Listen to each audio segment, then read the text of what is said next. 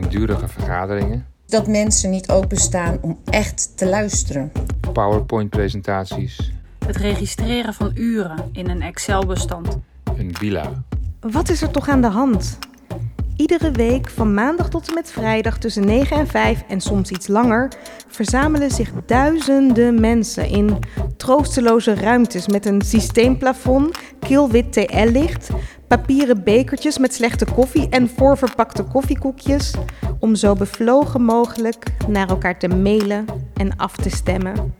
We hebben een systeem gecreëerd dat aan elkaar hangt van protocollen, regels en afspraken en dat nauwelijks uitnodigt tot creativiteit. Dat doen we toch allemaal al? We moeten wel realistisch blijven. Wat is er mis met ons? Waarom accepteren we dit? En vooral, hoe doorbreken we het? Ik ben Rachel Levy en in deze podcast ga ik ontrafelen hoe we oude patronen kunnen doorbreken en hoe we meesters kunnen worden in creativiteit en innovatie. Welkom terug bij een nieuwe aflevering van Chaos in de Orde, de podcast waarin wij samen de mysteries van vernieuwing ontrafelen en de kracht van innovatie verkennen. Ik moet toegeven dat ik een eh, klein beetje uit het gebruikelijke ritme van de podcast eh, ben geschoten. Het is iets langer geleden dan je van me gewend bent. Excuus, excuus. Achter de schermen zijn we heel druk bezig met de voorbereidingen voor een nieuwe chaos in de orde, het Werkfestival. Uh, dat is het festival dat de grenzen van creativiteit en innovatie verlegt. En dit jaar gaat dat evenement plaatsvinden op 24 november. Maar ja, het zwaartepunt van de voorbereidingen ligt altijd in deze periode, die toch al zo druk is. Uh, naast ons gebruikelijke werk moesten we goede sprekers vinden, een spectaculaire ervaring vormgeven, uh, teksten schrijven voor de website, et cetera, et cetera. En ja, dan was het ook nog mijn vakantie. Uh, en ik ben even op familiebezoek geweest in het buitenland. Daarover later meer. Ja, waardoor de tijd zo vloep aan me voorbij vloog. Ongetwijfeld is dat herkenbaar voor iedereen die in deze hectische periode van het jaar druk, druk, druk is. Uh, maar ik ben terug vandaag en klaar om je mee te nemen in een aantal ontdekkingen die ik de laatste tijd deed. En het wordt een aaneenschakeling van onderwerpen die in eerste instantie nogal random gekozen lijken, maar uiteindelijk toch heel goed samenkomen. Het is een solo-aflevering waarin je dus alleen mijn zoetgevoiste stem hoort. En ik ga jou meenemen in drie lessen over vernieuwing die uit de nogal verrassende hoek kwamen. Het begint straks allemaal met mijn kat. Ja, dat hoor je goed. Mijn eigen pluizige kattige metgezel, die af en toe behoorlijk creatief is. En uh, ik ga je laten zien hoe haar kattengedrag ons kan inspireren om uh, buiten de gebaande paden te denken en nieuwe mogelijkheden te verkennen. En vervolgens maak ik uh, het bruggetje naar mijn voorouders. Want die hielden me tijdens mijn familiebezoek nogal bezig. Ik realiseerde me voor het eerst dat zij vluchtelingen waren die gedwongen werden om steeds op een nieuwe plek hun leven opnieuw te beginnen. En hoe zij omgingen met veranderende omstandigheden, dat is waar ik het met je over wil hebben. En tot slot wil ik je laten zien dat ideeën voor innovatie soms ook te vinden zijn door achterom te kijken. Ik had een persoonlijk aha-moment waarin oude concepten en tradities ineens een bron van inspiratie werden voor nieuwe ideeën. Dus Maak je klaar voor deze eclectische aflevering vol creativiteit, inspiratie en historische ontdekkingen.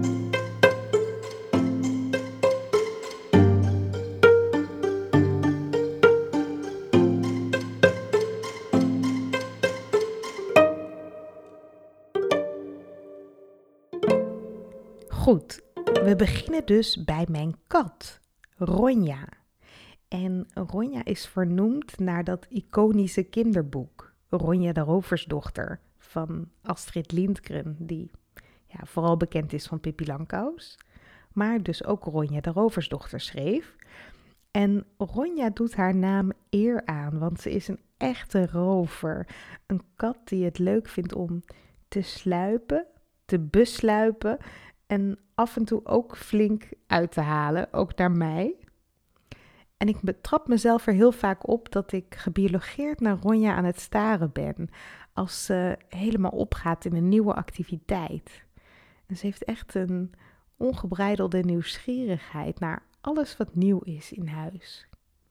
Het maakt niet uit hoe oninteressant iets op het eerste gezicht lijkt, ze kan er altijd iets boeiends in vinden.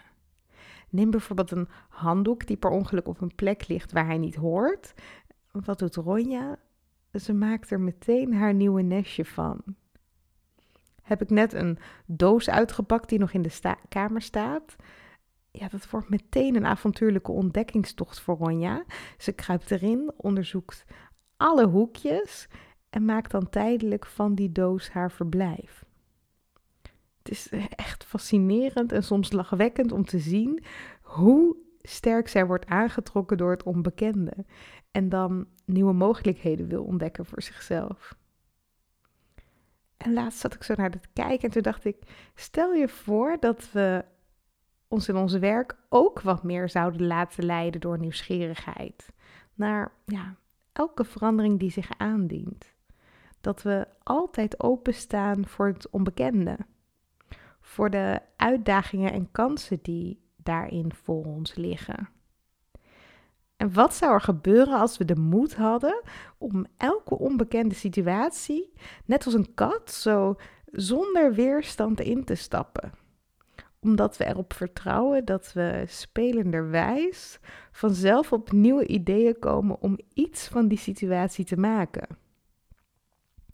Ja, dus misschien moeten we een beetje meer zijn als katten in onze werkomgeving.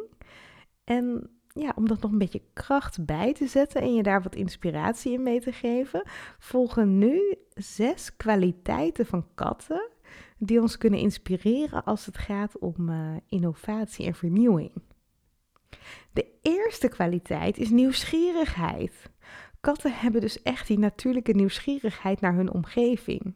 Ze verkennen en onderzoeken alles om zich heen. En die eigenschap die kan ons eraan herinneren om zelf ook open te blijven staan voor nieuwe ideeën. Om te blijven leren, te blijven experimenteren. Nou, de tweede eigenschap van katten, ja, misschien voel je die al aankomen, is flexibiliteit. Katten kunnen echt heel snel reageren en zich onmiddellijk aanpassen aan een uh, nieuwe omstandigheid.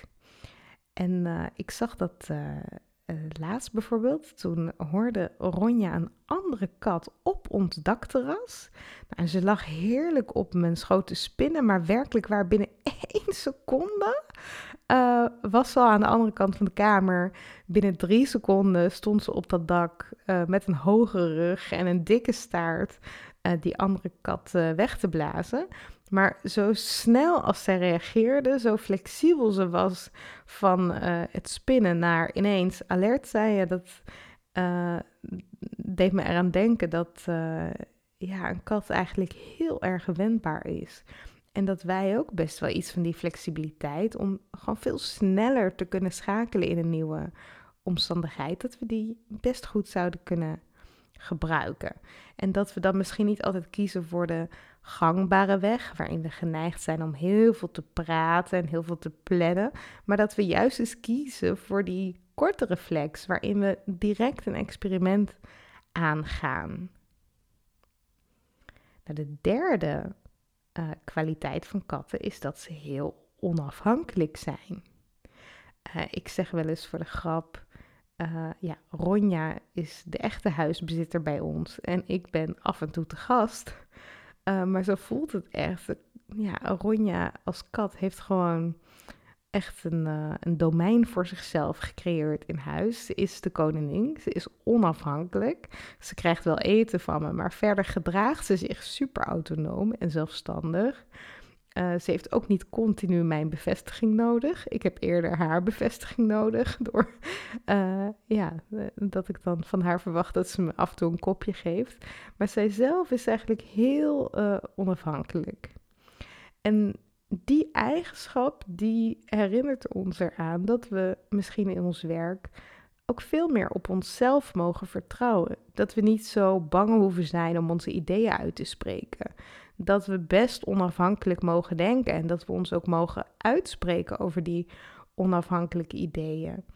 Um, ik denk alleen maar dat het juist heel inspirerend is als jij je uitspreekt vanuit ja, wat jij gelooft en um, wat jij ziet voor de organisatie.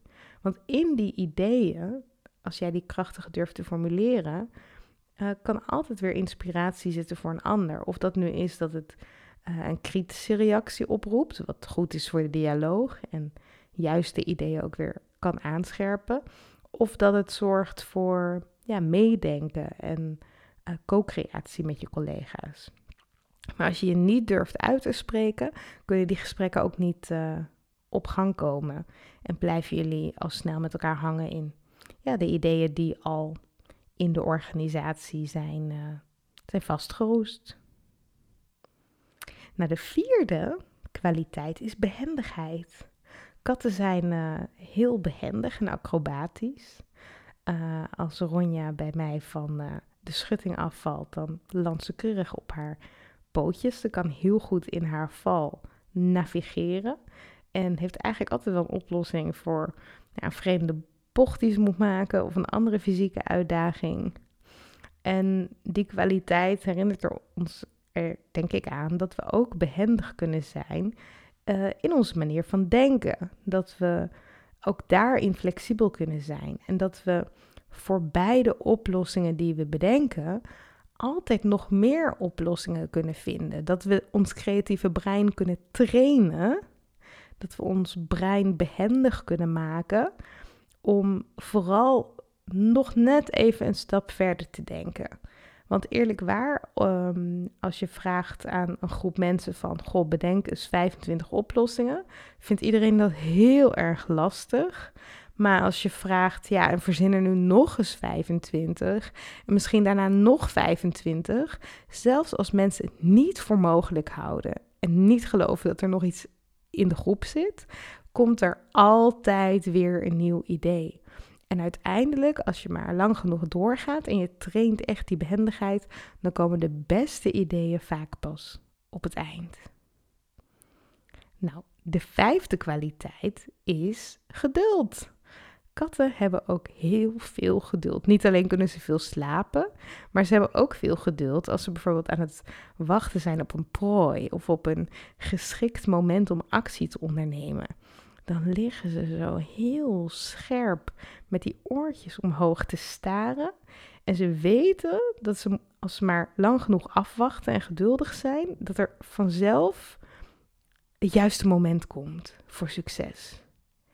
En die eigenschap herinnert ons eraan dat we in het innovatieproces ook echt heel veel geduld mogen betrachten. Want niet iedereen gaat mee op hetzelfde moment. Dus we zullen moeten afwachten, heel goed moeten luisteren, observeren en dan afhankelijk van de groep steeds het juiste moment moeten kiezen om uh, in actie te komen. En dat kan soms wat langer duren dan je zelf zou willen. Uh, want als jij enthousiast bent over een bepaalde vernieuwing, wil jij waarschijnlijk heel snel. Maar juist die kwaliteit van het geduld en afwachten hoort toch echt ook bij vernieuwing. En de laatste kwaliteit van katten is speelsheid. Want katten, en zeker jonge katten, hebben echt een speelse aard. Uh, ze spelen vaak ook met hun prooi, wat die prooi natuurlijk niet zo leuk vindt. Wat ook eigenlijk heel zielig is. Uh, maar katten zien de wereld echt als een speeltuin. En gebruiken die wereld ook om hun ja, eigen creativiteit lekker los te laten en te stimuleren. En ehm, ik denk dat als wij meer speelsheid op de werkvloer durven inzetten, durven toelaten, dat ja, ook vanzelf onze werkplek veel meer verandert in een speeltuin. Waarin we ja, veel natuurlijker durven experimenteren. En uiteindelijk zorgt dat wel voor de versnelling die we zoeken. Ja, er is ongetwijfeld nog veel meer te leren van katten als het gaat om vernieuwing. Sowieso is de natuur een enorme bron van inspiratie. Dat hoorden we al in de afleveringen die ik maakte met Saskia van der Muizenberg en Erik de Blok, die tromgeroffel dit jaar komen spreken tijdens Chaos in de Orde, het Werkfestival. Want het thema van deze editie, de vijfde editie alweer, wordt namelijk innoveren als tweede natuur. En we gaan kijken hoe de natuur omgaat met verandering en creativiteit. En kan je vast verklappen, dit wordt echt een spectaculaire jubileumeditie. We gaan met de deelnemers op innovatiesafari. Het wordt echt geweldig. Maar daarover vertel ik later meer, want we zijn nu dus nog achter de schermen alles aan het vormgeven. Maar zodra ik nieuws heb, over de kaartverkoop bijvoorbeeld, zal ik dat hier melden.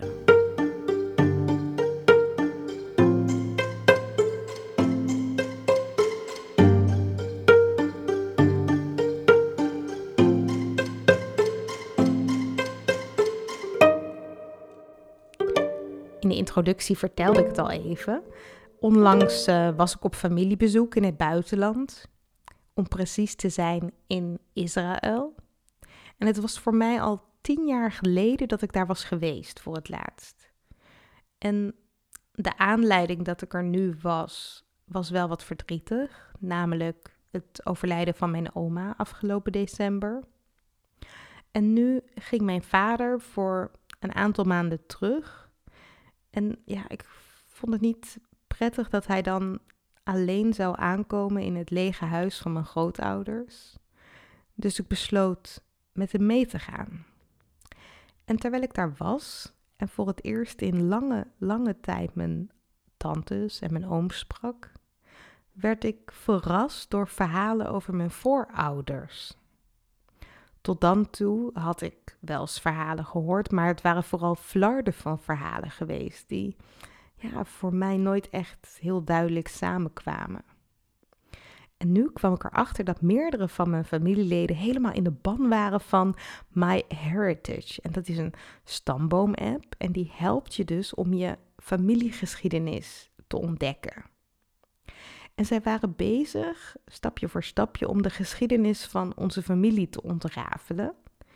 En ja, dat is een geschiedenis die best typerend is voor veel Joodse families.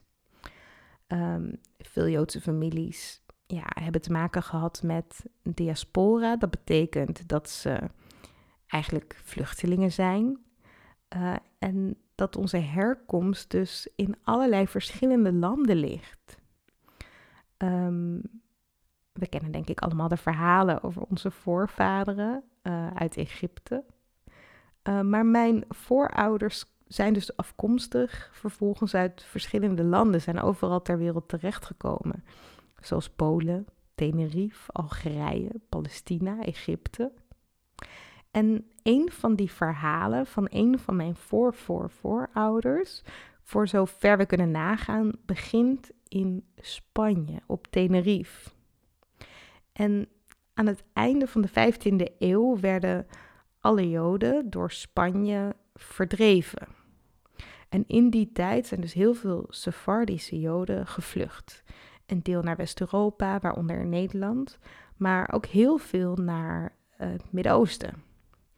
En ja, mijn voor, voor voorouders vluchtten dus van Spanje naar Algerije. En in 1836 werd daar mijn over-over overgrootvader geboren in de stad Tlemcen, waar destijds duizend Joden woonden.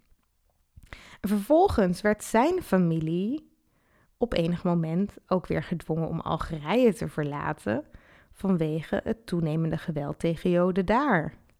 En dat leidde ertoe dat mijn familie vervolgens naar Cairo vluchtte om daar een nieuw bestaan om te bouwen. Maar ook daar bleef het niet rustig. Want tijdens de Tweede Wereldoorlog vluchtten veel Joden uit Europa naar het Midden-Oosten, waar ze toen nog veilig leken. Waardoor in die regio ineens ook het anti-Joodse sentiment begon te groeien. Ik denk overal waar vluchtelingen komen, groeit ook het sentiment tegen die vluchtelingen. En dat gold voor mijn familie dus ook. En in Cairo, in de nadagen van de Tweede Wereldoorlog, vond toen in 1945, maar ook in de jaren daarna, veel geweld plaats tegen Joden. Waarbij synagogen, Joodse scholen, verpleeghuizen in brand werden gestoken. Waar honderden Joodse bedrijven werden geplunderd. In 1945 alleen al kwamen 400 mensen om tijdens aanslagen. En mijn grootouders verlieten niet lang daarna het land met hun toen nog vier kinderen. Later zouden het er tien worden. En zij belanden in een vluchtelingenkamp in Italië, waarna ze zich uiteindelijk in Israël vestigden, samen met heel veel andere Joden die uit Europa, maar ook uit het Midden-Oosten, uh, ja, waren gevlucht. En dit is eigenlijk slechts één fragment van de verhalen die ik heb ontdekt. Want elk van mijn voorouders kwam uit een andere familie, uit een ander land, met een eigen geschiedenis. En ja, die geschiedenissen komen dan weer samen in verschillende huwelijken, uh, waaruit weer kinderen geboren werden. Ja, waar ik uiteindelijk ook vandaan kom. Maar wat al deze verhalen gemeen hebben, of ze zich nu afspelen in Spanje of Polen of Egypte, is dat eigenlijk iedere nieuwe generatie in mijn familie gedwongen werd om huis en haar te verlaten en opnieuw te beginnen op een nieuwe plek. En wat ik zo bijzonder vind, is dat ik altijd dacht dat ondernemerschap mij vreemd was. Omdat mijn ouders eigenlijk altijd streefden naar zekerheid en ik had geen voorbeelden van mensen in de familie die ondernemer waren. Maar nu realiseerde ik me juist via al die verhalen dat mijn voorouders juist zeer ondernemend waren. Ze waren echt pioniers die zich voortdurend moesten aanpassen aan veranderende omstandigheden. Ze lieten hun bezittingen achter en begonnen dan in een ander land opnieuw. En vaak bouwden ze daar een zaak op, handelden ze in iets, uh, wat het dan ook was. Uh, er zijn allerlei dingen uh, voorbij gekomen van handel in parels tot handel in vlees. En nu ik me meer begin te verdiepen in mijn familiegeschiedenis, voelt het alsof ik deze eigenschappen ja, via mijn genen toch heb meegekregen. Alsof ik iets van ze heb gekregen dat, um, ja, dat ik nu kan meenemen. Dus dat mijn voorouders me als het ware hebben geleerd dat verandering altijd mogelijk is, zelfs in de meest uitdagende omstandigheden. En nu ben ik hier in Nederland met de vrijheid om te dromen, om te experimenteren, om grenzen te verleggen. En leer ik anderen om te gaan met verandering. Om creatief te zijn als de uitdagingen uh, groot zijn. Uh, om creatief te zijn in een omgeving die daar ook niet echt toe uitnodigt. En ik leer mensen om intern te ondernemen als echte entrepreneurs.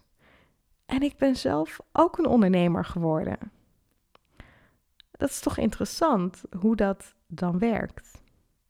Maar genoeg over mij, want ja, doordat ik zo bezig was met mijn eigen verhalen, eh, was ik ook wel nieuwsgierig. Zou dit nu ook voor anderen gelden? Hoe zit het bijvoorbeeld voor jou? Want als het gaat over systemisch kijken of systemisch werken, wordt heel vaak de nadruk gelegd op de verborgen geheimen in families. Op belemmerende overtuigingen of onbewuste angsten die zijn overgedragen. Maar misschien is er ook iets heel moois te ontdekken in jouw geschiedenis. Iets waar je inspiratie uit kunt halen. Een eigenschap die jij hebt geërfd via je familielijn en die je nu in je voordeel kunt gebruiken. Bijvoorbeeld in je werk. Het is leuk om daar eens over na te denken. Ik merkte dat ik me verbonden voelde met mijn eigen geschiedenis, maar daardoor eigenlijk ook heel erg verbonden voelde met ja, alle kansen en mogelijkheden die ik in mijn generatie nu heb. En uh, dat ik daar echt ook uh, brandstof vandaan haal voor mijn missie in dit leven. Ik ben heel benieuwd hoe dat voor jou zou kunnen zijn.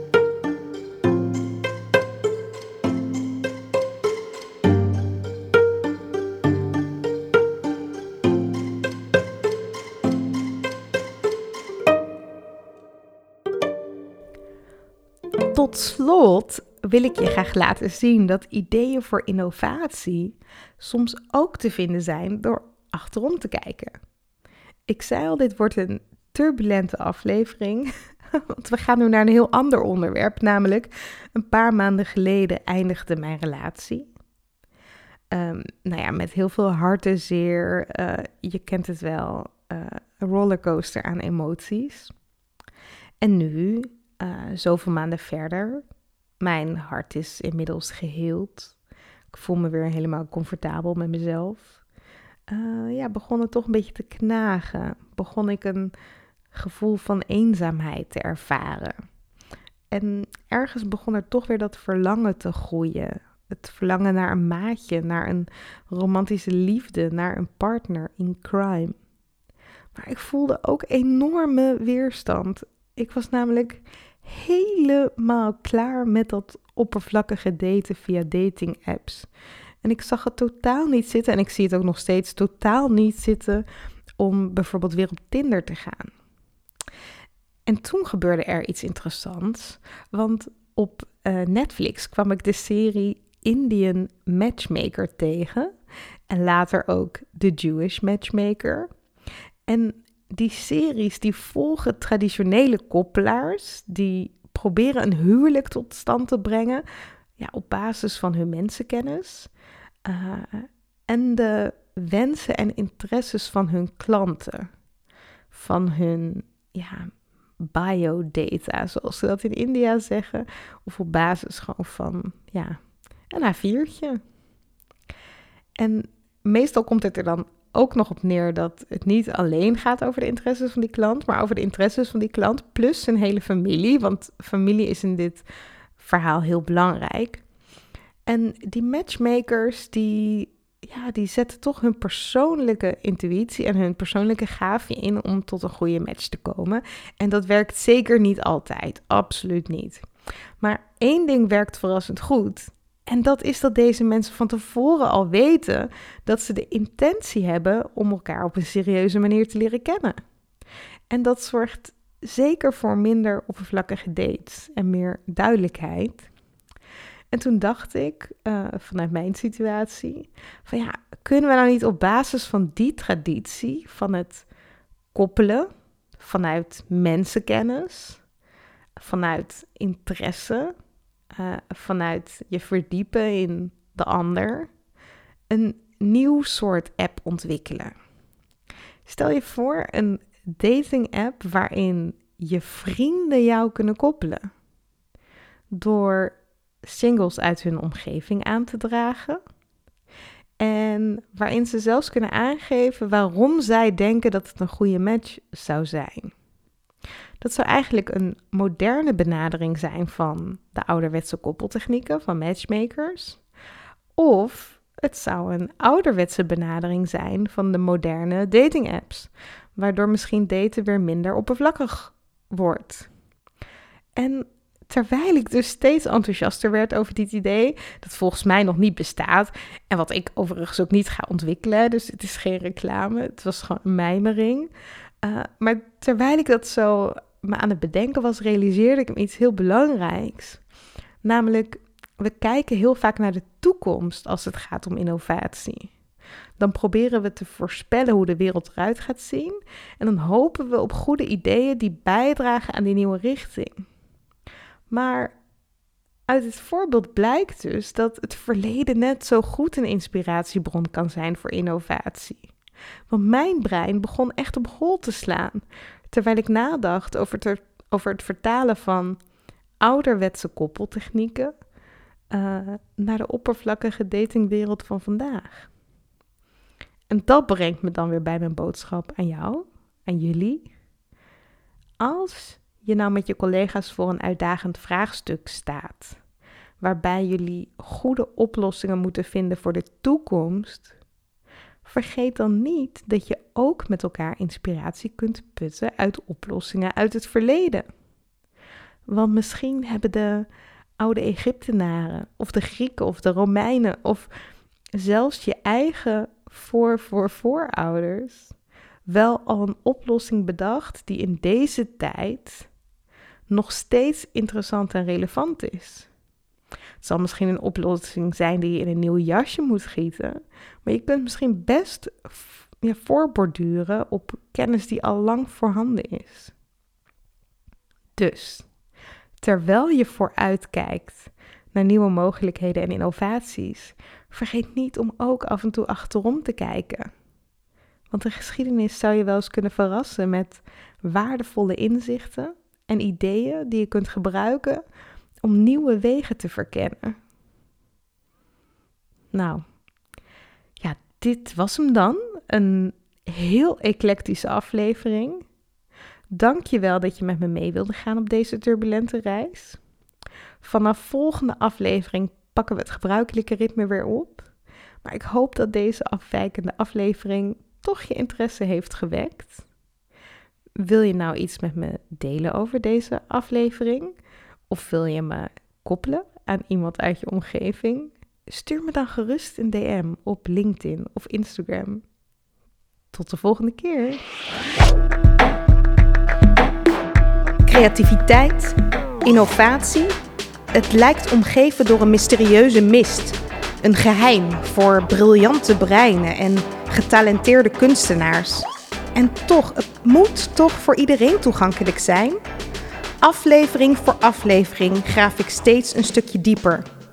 Ben jij enthousiast? Abonneer je dan op deze podcast en laat een review achter in de app waarmee je luistert. Hoe meer reviews we ontvangen, hoe meer mensen deze podcast kunnen vinden. Zo zorgen we samen voor meer chaos in de orde. Wil jij zelf chaos in de orde brengen? Download dan gratis het e-book Chaos. 10 manieren om patronen te doorbreken. Je vindt het op chaosindeorde.nl/slash podcast. Deze podcast wordt je aangeboden door Huis van Verbeelding, het bedrijf voor zakelijke creativiteit. Tot de volgende keer en veel chaos!